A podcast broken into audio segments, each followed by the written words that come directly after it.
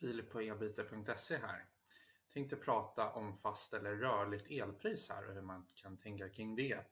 Ehm, till att börja med så tycker vi att det är viktigt att man tänker på sin specifika situation.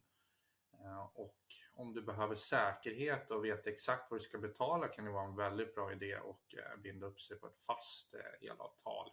Veta exakt vad man får över låt säga ett halvår, ett år eller flera år framöver.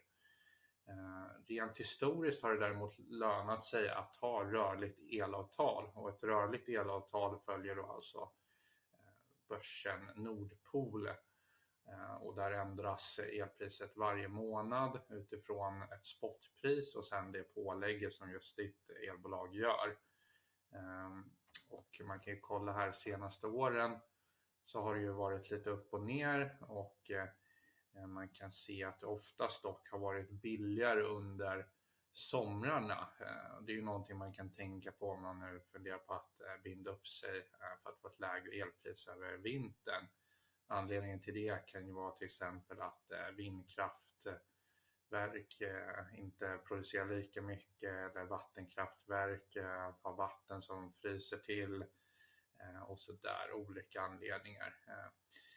Och eh, det blir ju egentligen lite som aktiemarknaden här att eh, förutse toppar och dalar. Eh, även politiken kan ju spela en stor roll eh, och lite där vilka partier som styr och huruvida eh, fler kärnkraftverk kommer tas bort och om de kan ersättas med mer miljövänlig elproduktion.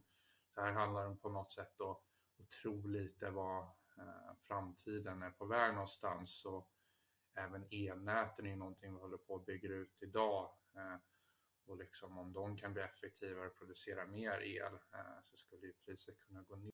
Som exempel kan vi ju ta då elprisområde 4 där i Skåne där man har lagt ner kärnkraftverk och elpriset har gått upp eh, under de senaste åren. Eh, och det är ju sådana grejer man då bör ta i beaktning.